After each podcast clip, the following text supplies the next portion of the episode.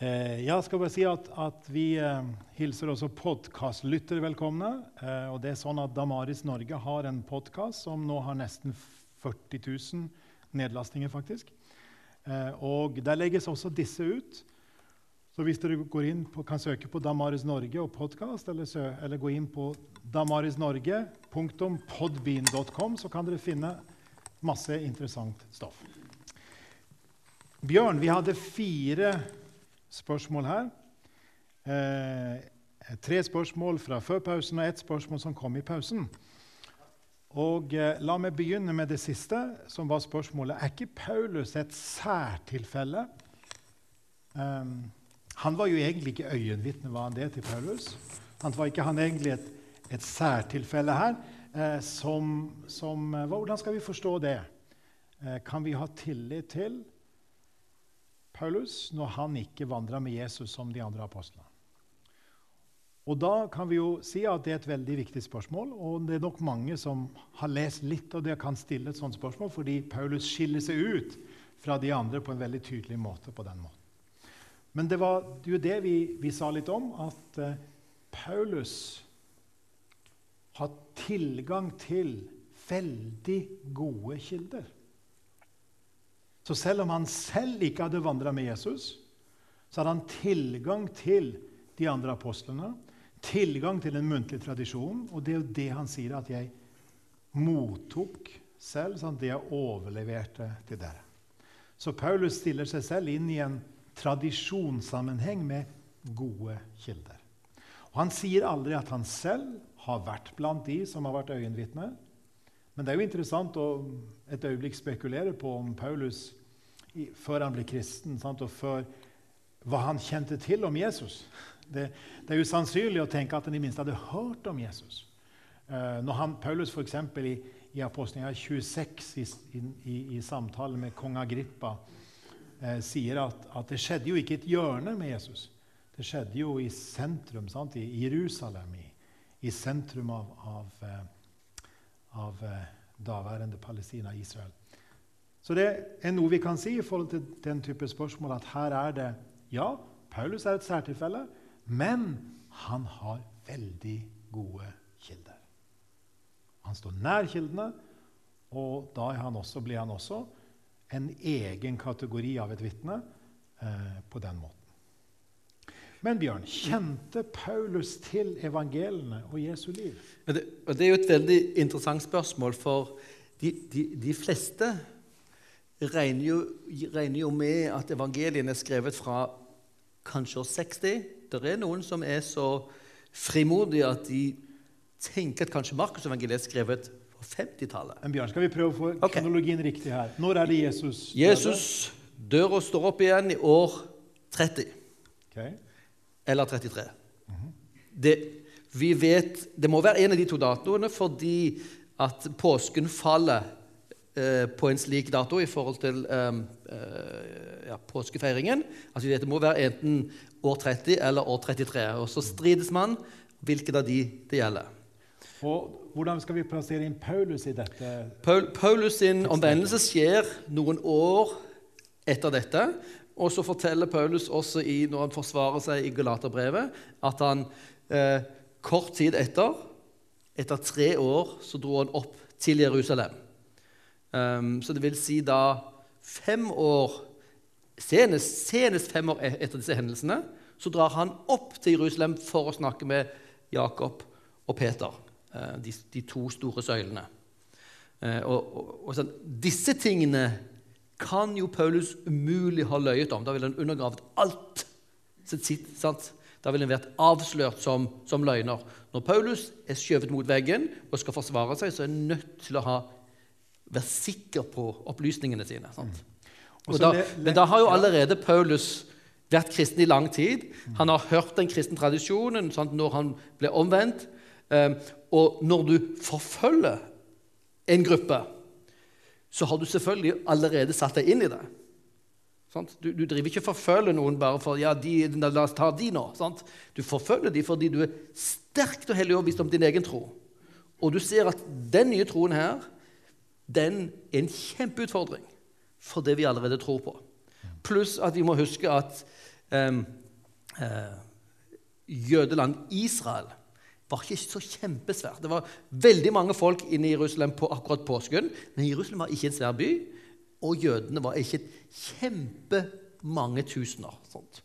Så hvis det var en, en, en, omreisende predikant i Galilea, så kan du være helt sikker på at de nede i Jerusalem ville bry seg om det.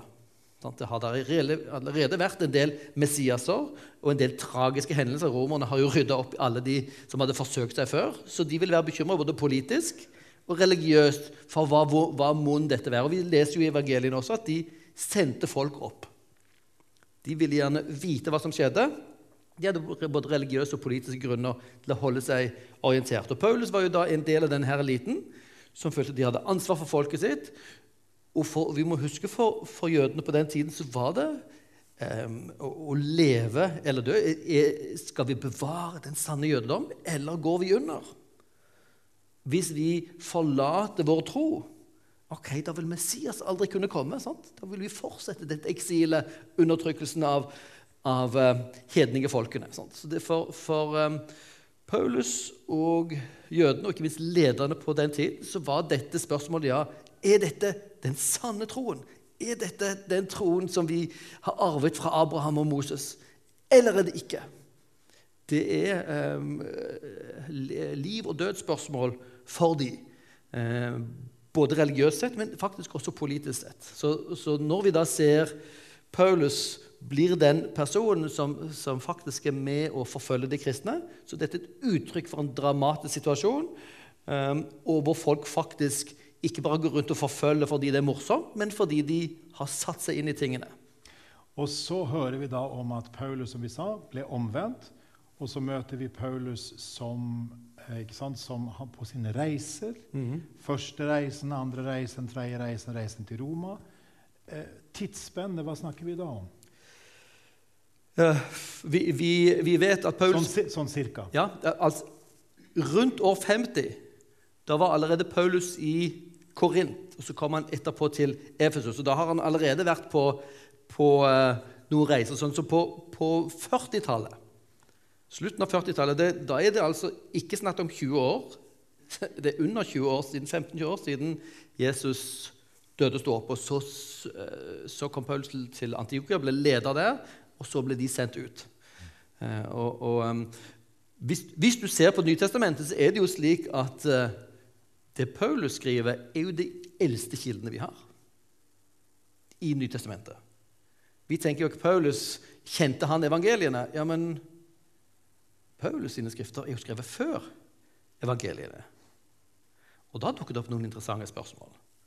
Hvordan kan det ha seg at når Paulus så skriver kanskje i år, ja, i Korinterbrevet rundt år 55 Og så ser vi for oss Lukasevangeliet skrevet kanskje år 60, 65 Noen sier 70 og 80. sant? Um, hvordan kan det ha seg at Paulus kan ordrett sitere Lukasevangeliet. Nattverdfortellingen i, i første kor 14. sant? Ordrett. Mm -hmm. Kjempeinteressant. Så vi, Paulus sine skrifter henviser til denne her tradisjonen. Det var ikke det at han hadde lest Nytestamentet fra begynnelsen av? nei. nei. Så, så, um, så, Paulus er de eldste vitnene til denne tradisjonen vi har i hele Nytestamentet. Mm. Og så kommer evangeliene senere. Men dette, det, når, når, Paulus, når, vi finner evangelietekster hos Paulus, så vitner det her om at det er en tradisjon som ligger der før Paulus. For Paulus, Paulus kommer ikke på dette. her. Han sier 'hør hvor lure ting jeg har'. Han sier 'det jeg har overtatt, det overlever jeg videre til dere'. Det var stoltheten, det var identiteten til enhver jødisk lærd og disippel. At du skulle lære utenat. Mesteren din kom med for at du skulle levere det nøyaktig videre.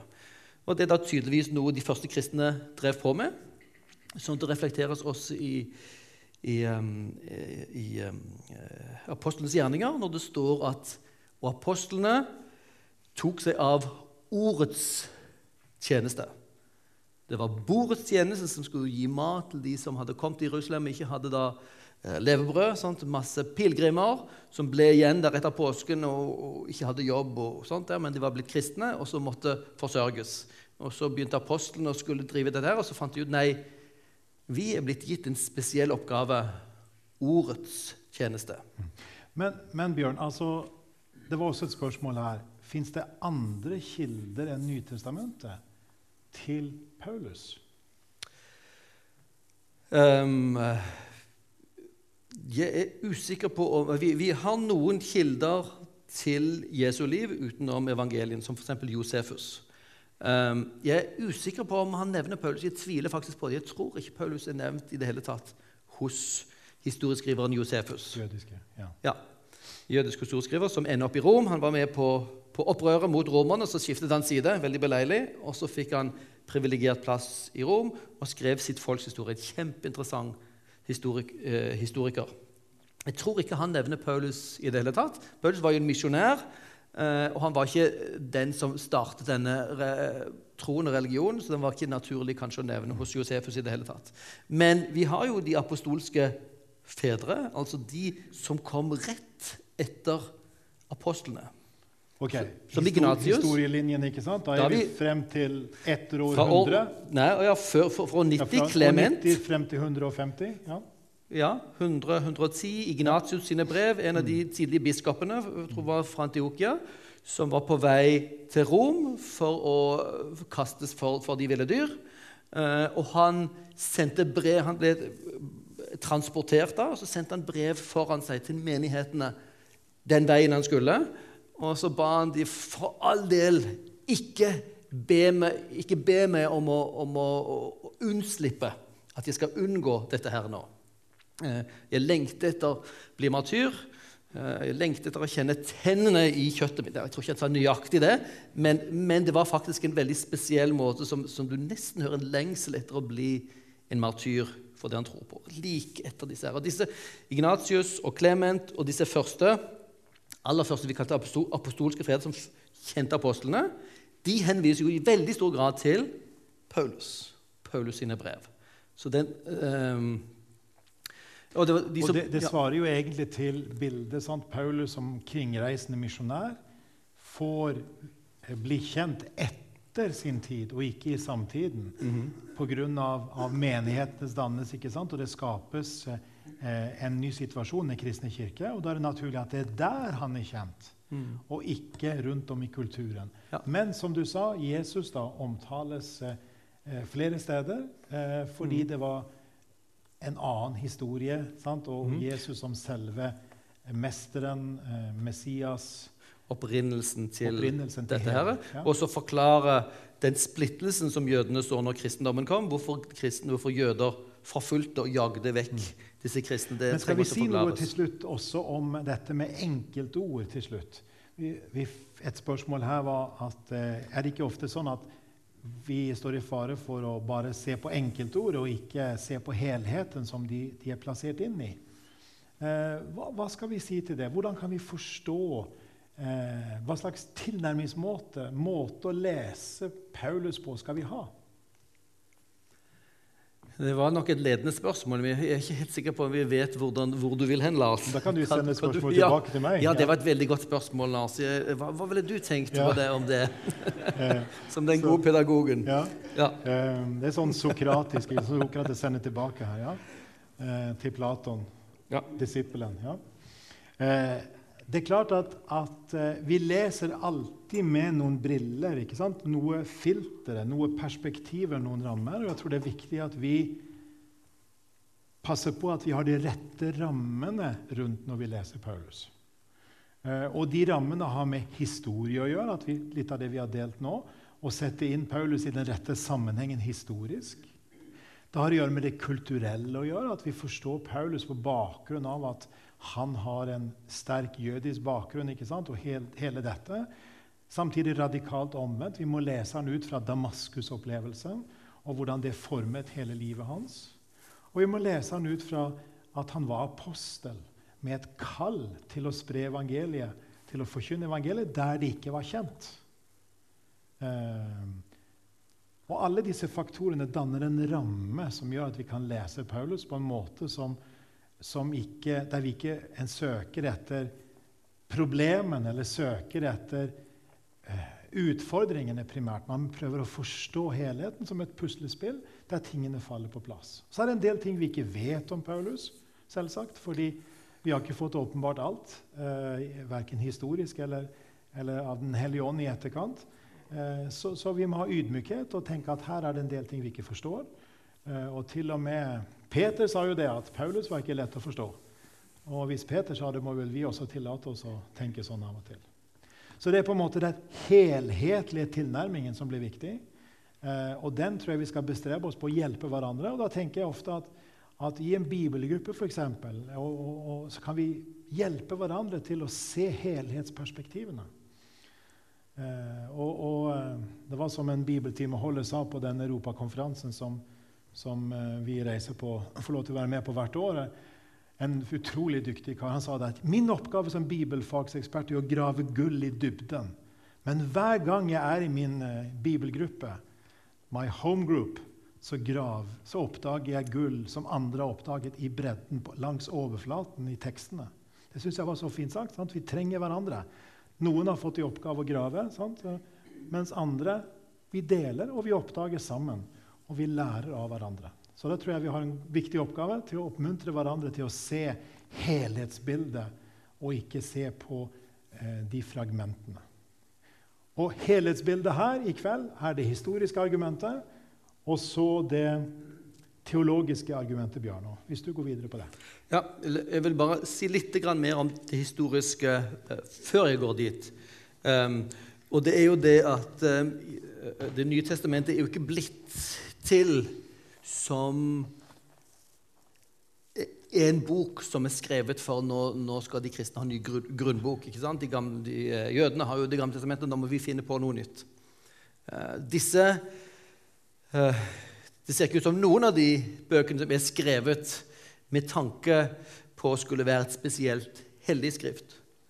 Uh, når vi da skal forstå Paulus inn i relasjonen til Jesus, så, så trenger vi å plassere den inn i den sammenhengen som enhver jøde ville tenkt, nemlig overlevering fra mesteren. Mest mulig presist og troverdig. Det gjelder å ha koblingen og kunnskapen om hva mesteren sa. Og Derfor det var det sitatet, eh, eller den henvisningen til apostelens gjerning om ordets tjeneste. En del av det ville helt sikkert innebære memoreringen av Jesu lære, Jesus, Jesu undervisning at de sa den høyt til hverandre for å sikre at de hadde den korrekt, eh, riktig, og sånn at de, de, skulle ta denne videre til eh, andre grupper, som igjen skulle lære det igjen utenat og ta det videre. Og så er én ting å høre nøyaktig hva Jesus sier, og så er det et annet skritt. Jeg tenker, ok, Hva betyr dette for oss i dag? Eh, hva betyr dette for vår kultur i dag? Det finner du også en del av hos eh, Paulus. På den ene siden er det en sterk vektlegging. Han er en tradent, han er en overleverer. Han er ikke en som oppfinner noen ting. Um, han henviser til tradisjonen, det jeg selv har overtatt. Når det gjelder oppstandelsesfortellingen, når det gjelder det siste, siste, måltidet. Og da må vi egentlig forutsette ja, veldig mange andre ting har Paulus selvfølgelig kjent til. For dette var memorert hos de første kristne. For de opererte som enhver jøde, og ikke minst enhver rabbi ville gjøre. Man underviser, det er et pensum. Dette skal du kunne, dette skal du memorere, og så er det din jobb å føre dette videre. Det var apostlenes helt spesifikke oppgave. Så må vi tro da at f.eks. Peter han hadde memorert dette, og memorering var jo selve selve undervisningspoenget i antikken. Både blant jøder og grekere, faktisk. Um, og så kommer neste spørsmål ja, hvordan anvender vi dette. Ja, Da trenger vi enda mer forståelse. Du trenger ikke være spesielt klok for å memorere. Uh, men du trenger være veldig klok når ting skal anvendes og ses sammen. Så Paulus går inn i, i det som vil være de første kristnes betydelige muntlige overlevering helt fra Jesus. Apostlene sto for den. når de begynte å dø ut, så så man behovet for nå må dette skrives ned. Og så fikk vi evangeliene. Men det har allerede eksistert lenge. Og når Paulus bruker denne her teksten, så er det jo ikke så rart at dette samsvarer veldig veldig tett med det som Lukas har skrevet ned, og som er veldig nært de andre evangeliene også. Um, sånn, sånn um, uh, Paulus er ikke en eller annen bare som har hørt et rykte, men han går inn i det som er konteksten for den jødiske uh, forståelsen av, uh, av, undervisning og av lærde, at de memorerer sin mester, spesielt hvis denne mesteren var spesielt viktig. Og det vet jo alle at de første kristne tenkte om Jesus Kristus.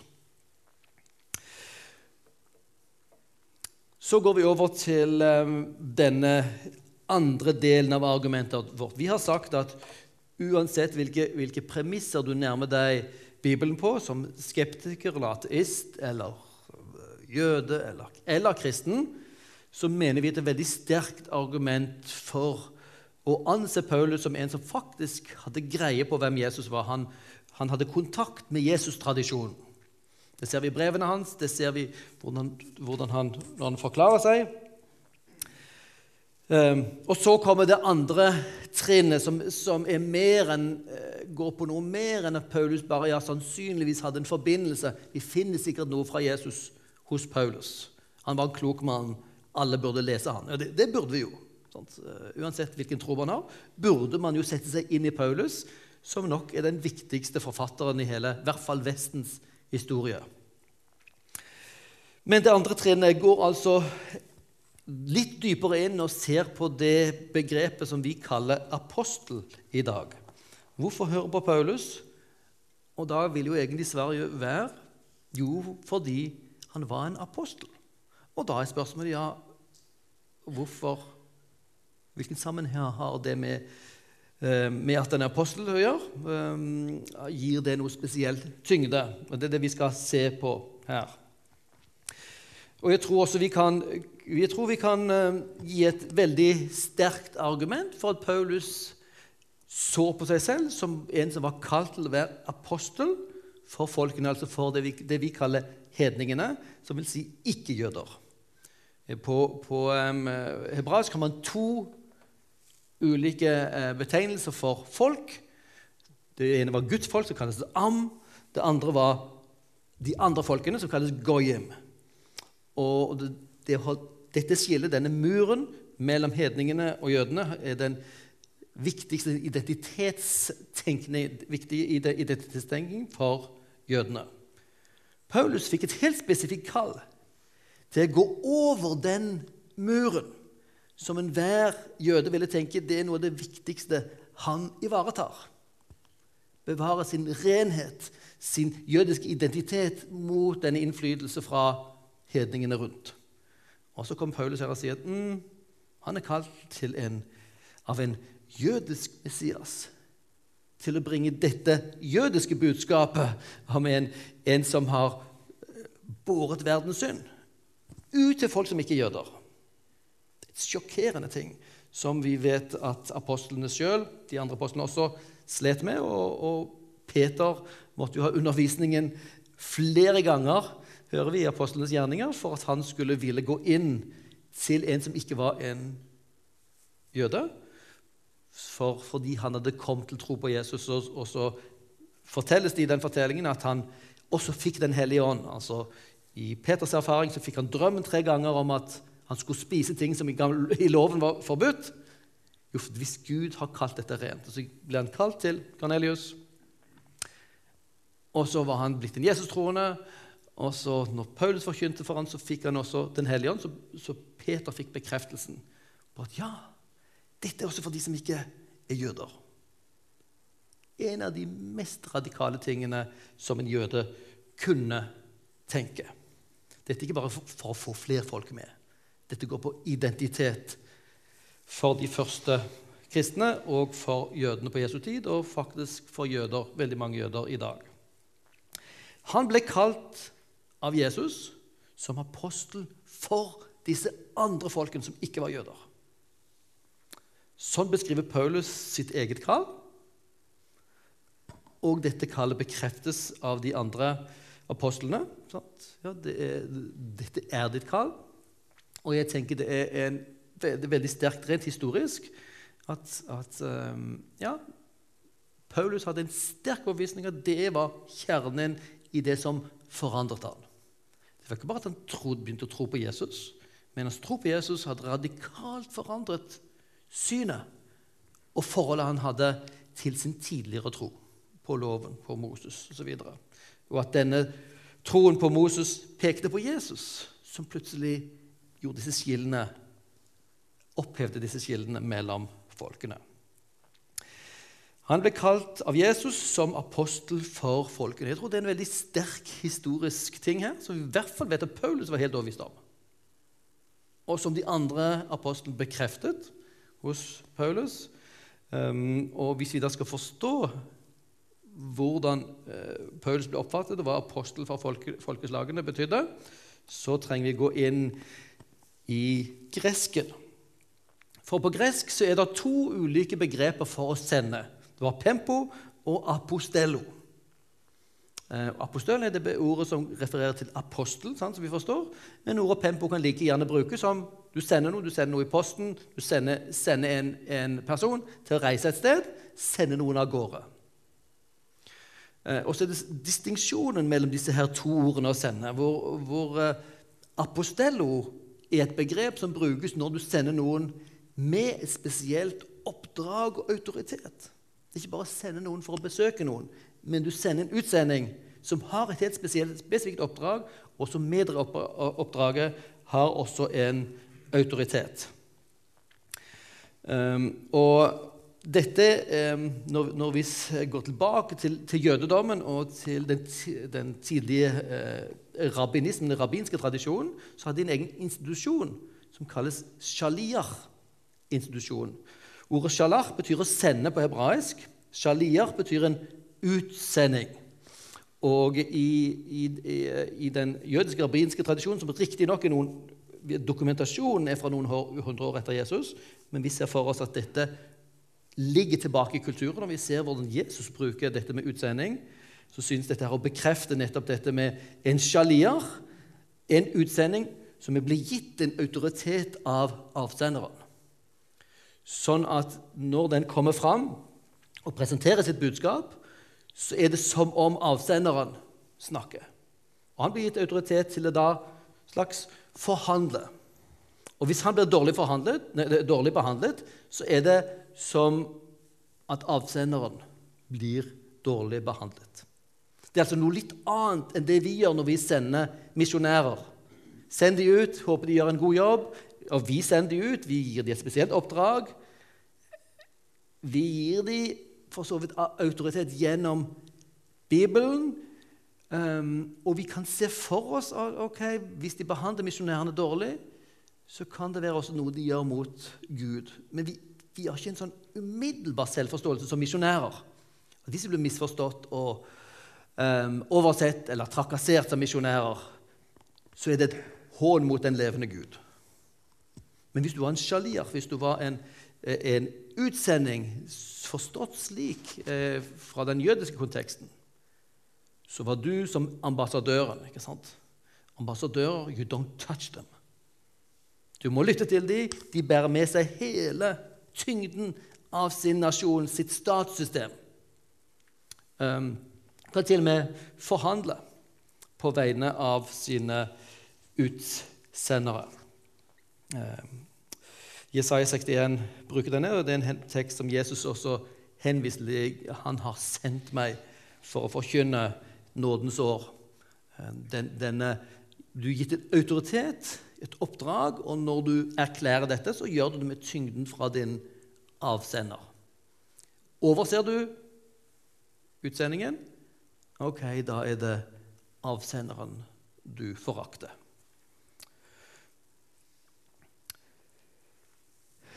Vi ser også denne måten å tenke, tenke om eh, utsendinger reflektert i Det gamle testamentet. I, I, hvordan Gud sender sine profeter. De er hans røst, og det er jo interessant at det er alltid, nesten alltid motkulturer motstrøms Guds profeter. De sanne profetene er motstrøms. Eh, og får skikkelig vriene oppdrag. Og så, er, så taler Gud gjennom en profet.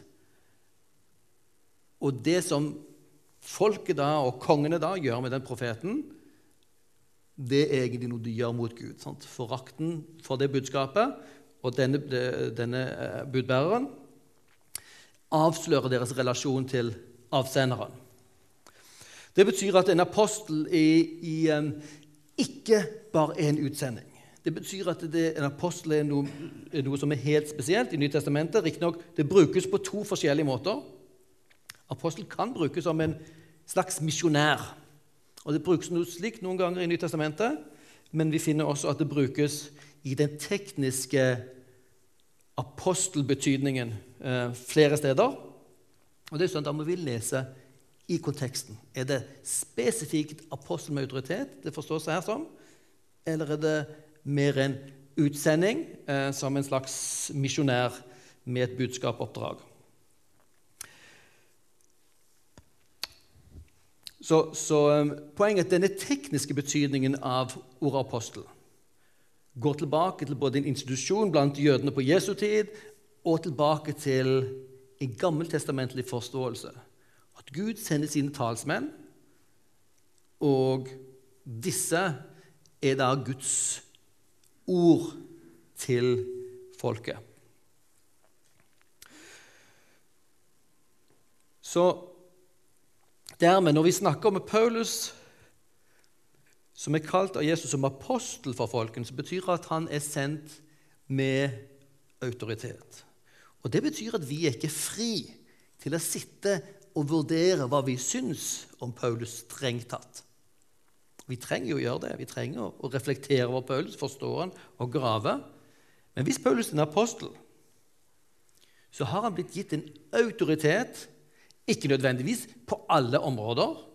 Alt han sier, trenger ikke nødvendigvis være en del av denne autoriteten, men i hvert fall som en overleverer av Jesus-tradisjonen. Overleverer betyr at han kan tradisjonen. Selvfølgelig kan han utenat. Men også forstår han, som kan forklare han. Forklare det inn i andre kontekster, f.eks. inn i en gresk kontekst. Men en apostel er en som er sendt på et oppdrag med autoritet.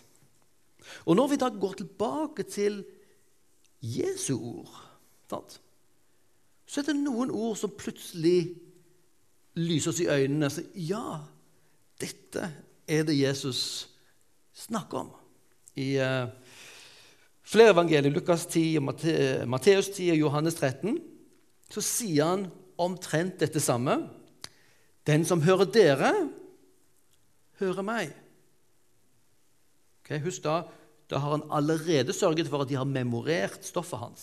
Så det er ikke bare det at de, når de snakker eller fantaserer, så er det akkurat som å høre Guds stemme. Sant? Men de har lært budskapet, um, lærestoffet, og de leverer det videre. Når dere formidler dette videre her, så er det som tilhørende hører Jesus Kristus selv. Og så, ikke nok med det Den som forkaster dere, forkaster meg. Dypt alvorlig. Og når du da ser folk i dag, og jeg tenker spesielt på de troende de som kaller seg kristne i dag, og som syns de vet bedre enn Paulus og ja, Jesus er greit, men jeg vet ikke helt hva vi skal mene om Paulus. Så har man en kjempeutfordring her. Hvis Jesus var en apostel, så han utpekte Jesus til å forklare hvem Jesus var, og til å tolke dette for oss. Og så sier Jesus også sitt syn på seg selv som en utsending. Han er også sendt, den for apostello, fra Faderen. Og den som forkaster dere, forkaster meg, og den som forkaster meg, forkaster han som har sendt meg. Det har med vår relasjon til Israels Gud å gjøre. Dette høres jo veldig sterkt ut, veldig krast ut. Men det gir veldig god mening når du ser det inn i konteksten. ikke sant? Dette er det vi tenker med autoriserte sendebud. Og Skulle dette budskapet ut, ja, da måtte du sette noen inn i stoffet, gi dem en autoritet. Og det der som skjer når de formidler det videre, er det som faktisk har evighetsbetydning for dem. Og Det er interessant at når du ser, eh, når du ser dette både helt fra Jesus, inn i urkirken, over i oldkirken, eh, også i de gnostiske, gnostiske avvikerne som dukker opp helt fra Paulus' tid og fram spesielt over inn i århundret 100, 130, 140, 150, hvor vi bl.a.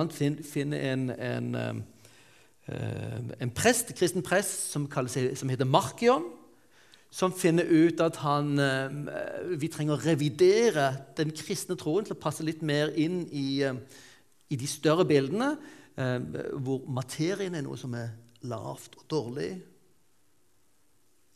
mens det er ånden som er det bra, gode.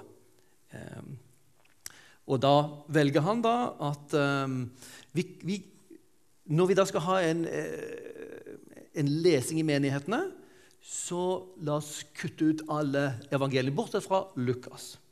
La oss beholde Paulus sine brev, kutte ut alt annet. Det var fordi de, alle de andre hadde en sterk understreking av Gud som skaper. Israels Gud hadde skapt himmel og jord. Da hadde han skapt materien. Det, det, det kan jo ikke være tilfellet. Så hadde han en revidert bibel. Sant? Og faktisk ble han en påskynder for at vi fikk en kanon. Hva, hvilke bøker skal gjelde i menighetene? Og Da argumenterte de kristne lederne for jo, vi har disse, vi har de fire evangeliene. Og så har vi Paulus sine skrifter. For han var Paulus, han, han har direkte kobling til Jesu-tradisjonen, de første apostlene. Paulus sin autoritet var en selvfølge. Og den var så selvfølgelig at det faktisk Markion valgte å gjøre Paulus til den ene autoriteten og friserte vekk alt som hørtes ut som jødedom og troen på den gamle testamentlige skaperen. Da måtte han jo selvfølgelig frisere vekk noe også i, i Lukasevangeliet. Um, men dette synet på at det er apostlene som er overlevering, har overlevering, som er viktige, det finner du helt fra starten fra Jesus, i, i urkirken, i eh, Paulus sine brev, i evangeliene, blant de eh, apostolske fedrene fra år 90 og fram til 130, 40, 50, og i Oldkirken fra 100 og de 300-400 årene videre. Vi trenger å vite hvem apostlene var. Det forklarer hvorfor vi har en del interessante skrifter.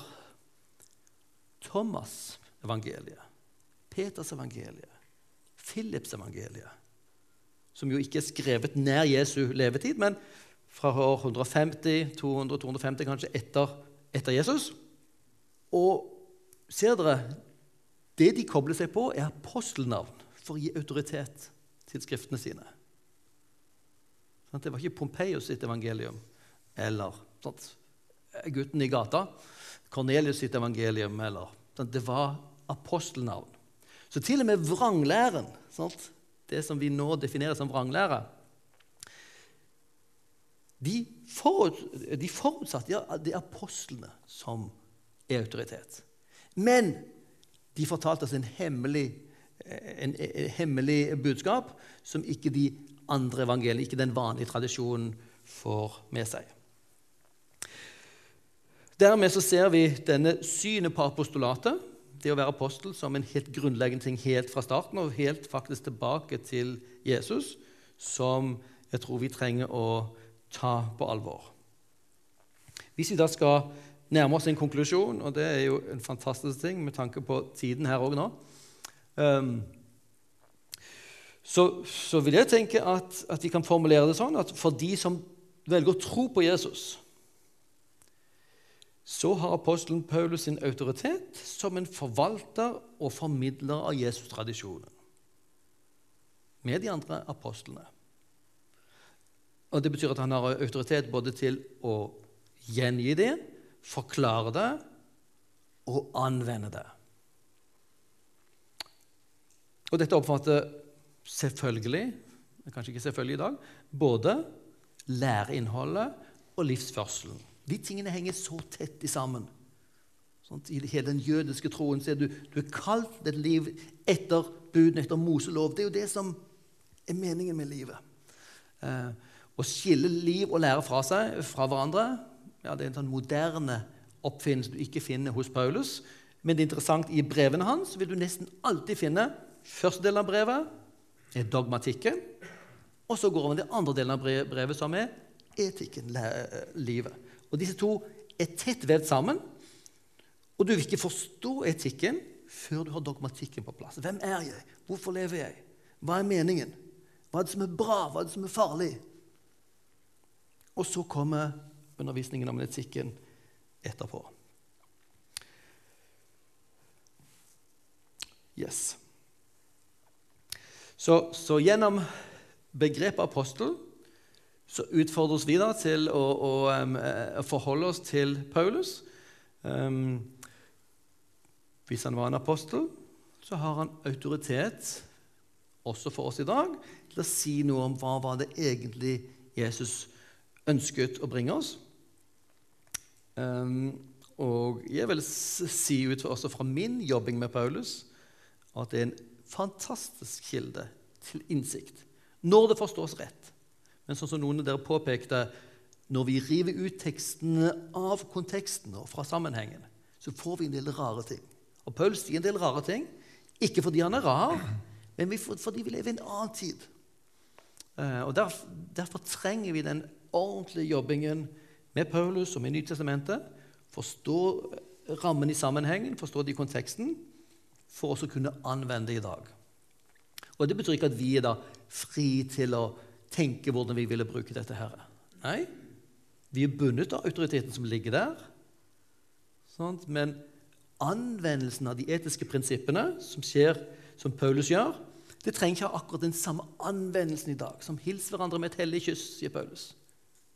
Det var ikke noen som møtte meg med det i dag.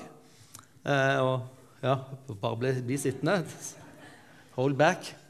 Eh, men, men vi, er, vi, er, bundet av de etiske prinsippene her, og anvendelsen vil kunne være faktisk forskjellig i forskjellige kulturer. Og der tenker jeg det er en veldig viktig ting ved den kristne troen. Den kristne troen skiller seg slik både fra jødedommen og islam ved at den er ekstremt eh, kulturåpen og tilpasser seg eh, enhver kultur. Men den vil også forandre og utfordre enhver kultur. Og jeg tenker Det er noe av nøkkelen til problemet med Paulus. Vi har jo aldri noe problem med Paulus når han sier her er de verken kvinne eller mann, slave eller fri. Selvfølgelig. Men mange tider i historien har hatt kjempestore problemer med det. Vi har problemer med Paulus fordi han sier ting som ikke passer inn i vår tid. Nemlig at du selv kan bestemme over livet ditt. Han setter opp og peker på en Jesus som er den levende Gud, kommer til jord, og så sier 'Du er min'. Du er min. Jeg har skapt deg, jeg har gitt meg liv for deg, jeg har frelst deg. Jeg har en plan om en himmel, ny himmel og ny jord for deg. Hva vil du gjøre med det? Og det er, den, det, er det Paulus bringer med seg og utfordrer oss på. Og det er en kjempeutfordring for oss, for vi, må, vi utfordres til å forholde oss til, til dette vanskelige valget. Og da er vi ikke lenger fri, sånn som moderne mennesker vil kalle det. Men det Paulus vil si, at det er den virkelige friheten. For da er vi ikke lenger slaver av vår samtid, av vår kultur, av våre egne ønsker og meninger eller drifter eller hva det måtte være. Vi befris til å leve det livet som vi var skapt til, eh, i troen på Jesus Kristus, vår skaper og frelser.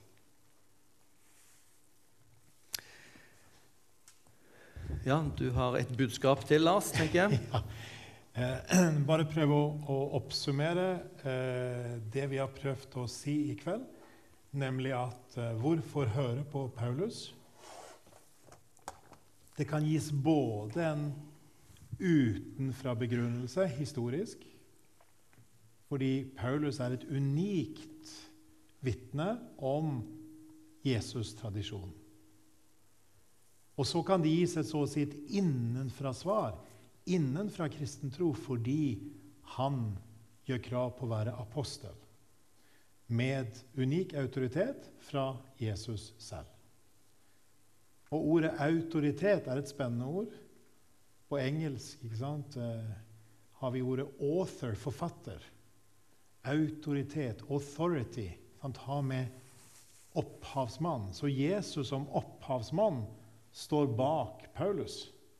Og Da er det Bjørn delte her, veldig viktig om hvem Jesus er. Og når vi leser Paulus sine brever, så ser vi med en gang f.eks. Galaterbrevet. Paulus, apostel. Andre ord i brevet. Det er veldig sentralt for Paulus å si at han er en som er gitt autoritet fra Jesus. Og så finner vi hele utleggelsen av hva evangeliet er, og hvem han er som apostel, og hva det betyr i forhold til lære og liv. Det er jo sånn at Disse kveldene er jo et samarbeid mellom Misjonshuset og eh, Damaris Norge.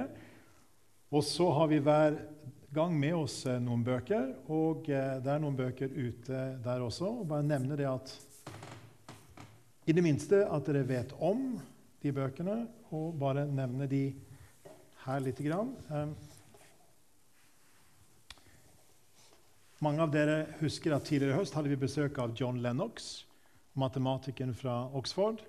Og De to bøkene hans som er oversatt på norsk, dreier seg da om spørsmål om skapelse og kan en tro på Gud i en verden som der mange tenker at ikke det gir mening.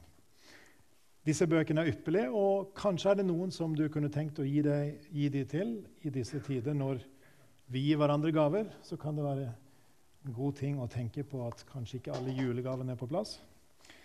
Eh, så eh, kjenner en del av dere eh, Bjørn Are Davidsen, en nesten altvitende sivilingeniør, som eh, har skrevet en ny utgave av Svar på tiltale, en utrolig spennende bok om alle mulige spørsmål som folk har i dag til kristen tro. Hva hva skal vi svare? Han er humoristisk, og han er veldig kyndig. Og han, dette er en bok som gir veldig godt utbytte å lese selv og til å gi til andre. Og så har vi fire bøker av Stefan Gustafsson, kollega på Gimlekollen også, i delstilling. Og Det som ligger nærmest tematikken her disse kveldene, her, er den skeptikerens guide til Jesus om hvorfor tro på evangeliene. Noen av dere kjenner bøkene godt fra før. Den klassikeren som, som Stefan har skrevet, Kristen med god grunn om sannhet i en tid fylt av tvil.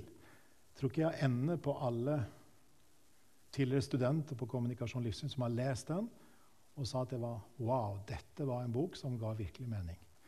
Her får en forankre hvorfor en kan tro med gode grunner.